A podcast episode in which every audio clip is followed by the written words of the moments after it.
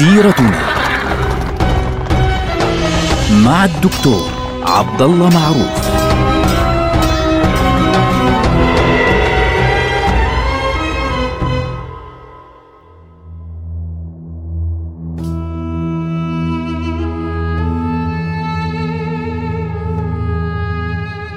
السلام عليكم ورحمة الله وبركاته. سيرتنا سيرة هذه الأمة نبدأها مع سيرة رسول الله صلى الله عليه وسلم.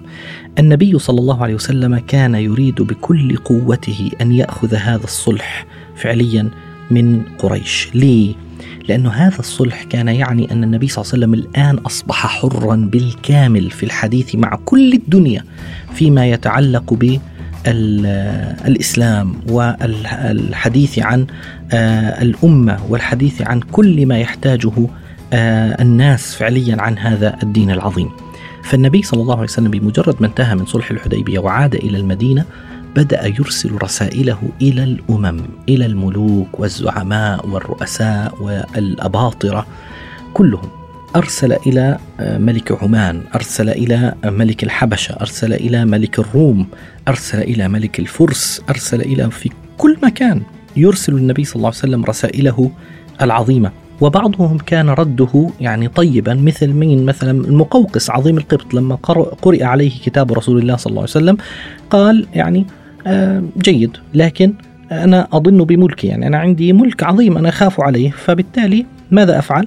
أرسل إلى النبي صلى الله عليه وسلم قال له قد قرأت كتابك وقد فهمت ما فيه وكنت أعلم أنه زمان نبي وكنت أظنه يخرج بالشام وقد أرسلت إليك بغلة تركبها وجاريتين. طبعا مين الجاريتين؟ السيدة سيرين والسيدة ماريا القبطية التي ولدت للنبي صلى الله عليه وسلم ابنه إبراهيم. الآن آه هو هذا واحد من الردود. واحد من الردود كان قاسيا جدا. من هو؟ كسرى ملك الفرس. لما كسرى وصله كتاب النبي صلى الله عليه وسلم مزقه فورا. وقال كيف يبدأ باسمه قبل اسمي؟ ثم أرسل إلى عامله على اليمن باذان وقال له آه، بتبعث آه، رجلين من عندك بيجيبوا لي هذا الرجل الذي يقول إنه نبي. شوف هو يظن إنه نبي. انظر السخافة يظن إن النبي صلى الله عليه وسلم مجرد واحد هيك في الصحراء. وبالتالي مش حتى بيبعث له جيش بعث له رجلين. فلما إجوا للنبي صلى الله عليه وسلم يعني قالوا له يلا امشي معنا. فالنبي صلى الله عليه وسلم قال من أنتم من وين جايين؟ قالوا من اليمن وبتروح معنا عند باذان عشان تروح عند آه، ملك الملوك كسرى.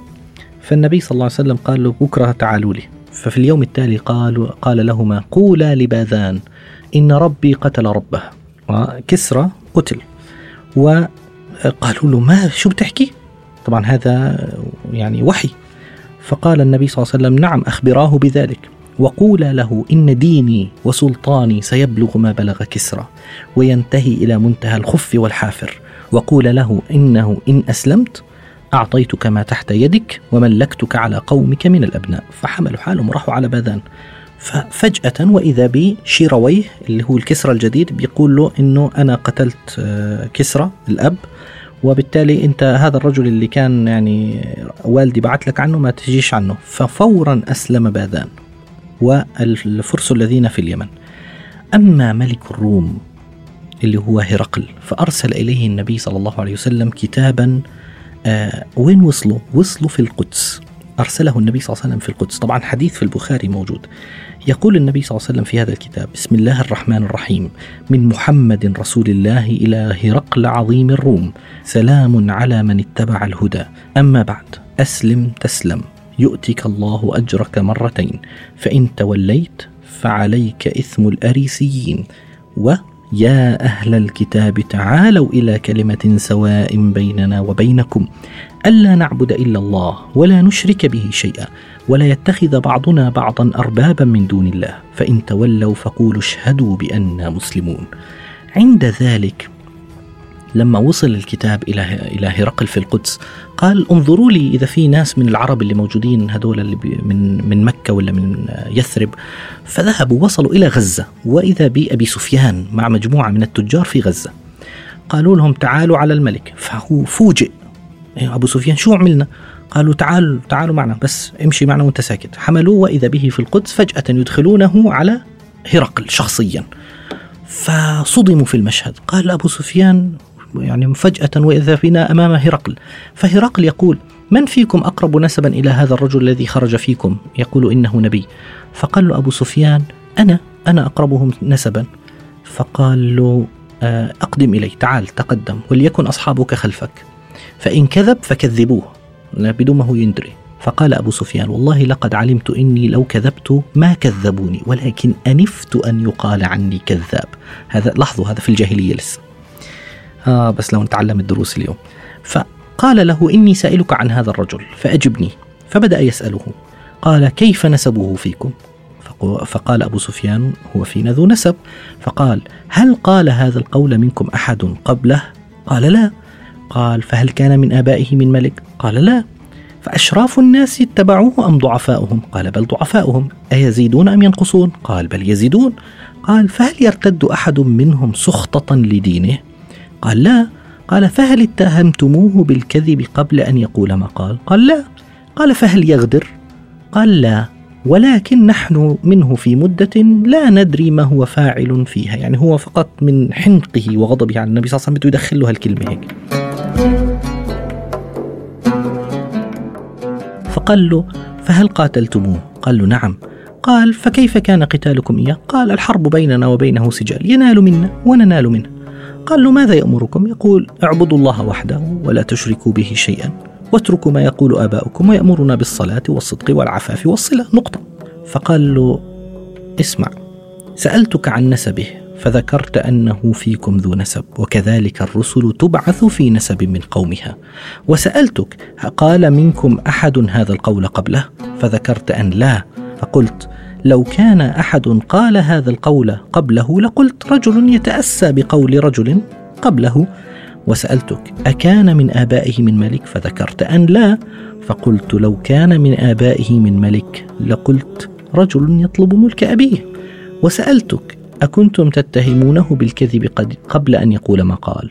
فذكرت أن لا. فقد أعرف والله أنه لم يكن ليترك الكذب على الناس ويكذب على الله.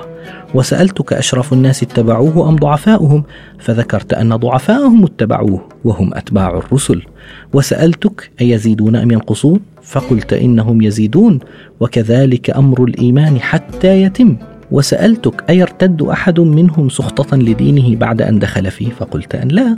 وكذلك الإيمان حين تخالط بشاشته القلوب. وسألتك أيغدر؟ فقلت لا. وكذلك الرسل لا تغدر.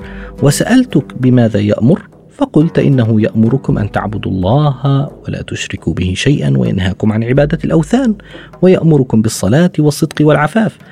فإن كان ما قلت حقا فسيملك موضع قدمي هاتين. كان هذه صدمة فعليا لأبي سفيان ويكمل له هذا الرجل. يقول وإني كنت أعلم أنه خارج. يعني هرقل يقول ذلك. ولكن لم أكن أظن أنه منكم. فوالله لو أني أعلم أني أخلص إليه لتجشمت لقاءه ولو كنت عنده لغسلت عن قدميه. ثم أتي بكتاب رسول الله صلى الله عليه وسلم وقرئ عليه. فحين قرئ الكتاب ارتفعت الأصوات وبدأ يصرخ من هنا ويصرخ من هناك وكثر اللغط اللغط والصراخ. وأمر بالمجموعة هذه اللي على رأسها أبو سفيان فأخرجوا جميعا. فلما طلع أبو سفيان نظر لواحد جنبه إيش بيقول؟ بيقول والله لقد أمر أمر ابن أبي كبشة. طبعا هكذا يعني هو بيقول عن النبي صلى الله عليه وسلم من باب إنه عدوه لقد أمر أمر ابن أبي كبشة إنه ليخافه ملك بني الأصفر. أف يا ربي ما هذا؟ فهو يقول أبو سفيان فوالله ما زلت موقنا أن أمر رسول الله سيظهر حتى أدخل الله علي الإسلام. كان شيء يعني قصة عظيمة موجودة في صحيح البخاري البخاري. فبالتالي كان شيئا عظيما أن يكتب النبي صلى الله عليه وسلم لهؤلاء الملوك يبين لهم فعليا حقيقة الإسلام. فلما صارت الأخبار توصل يمينا ويسارا فعليا بلغ المسلمون أعدادا أكبر وبدأ المسلمون يكثرون ويكثرون ويكثرون. في نفس الوقت كان المسلمون متألمين جدا لهذا الشرط الصعب في صلح الحديبية اللي هو الشرط الرابع اللي هو شرط أنه من أتى من المسلمين المشركين تركوه يدخل أهلا وسهلا ومن أتى من المشركين إلى المسلمين مسلما ردوه إلى قريش. كان هذا الشيء صعب جدا ومؤلم جدا. فبالتالي المسلمون كانوا ما زالوا مش عارفين كيف يتعاملوا مع هذا الشرط. ولكن هذا الشرط يعني أثبتت الأيام أنه كان كارثة على قريش. نلقاكم على خير. والسلام عليكم ورحمة الله وبركاته.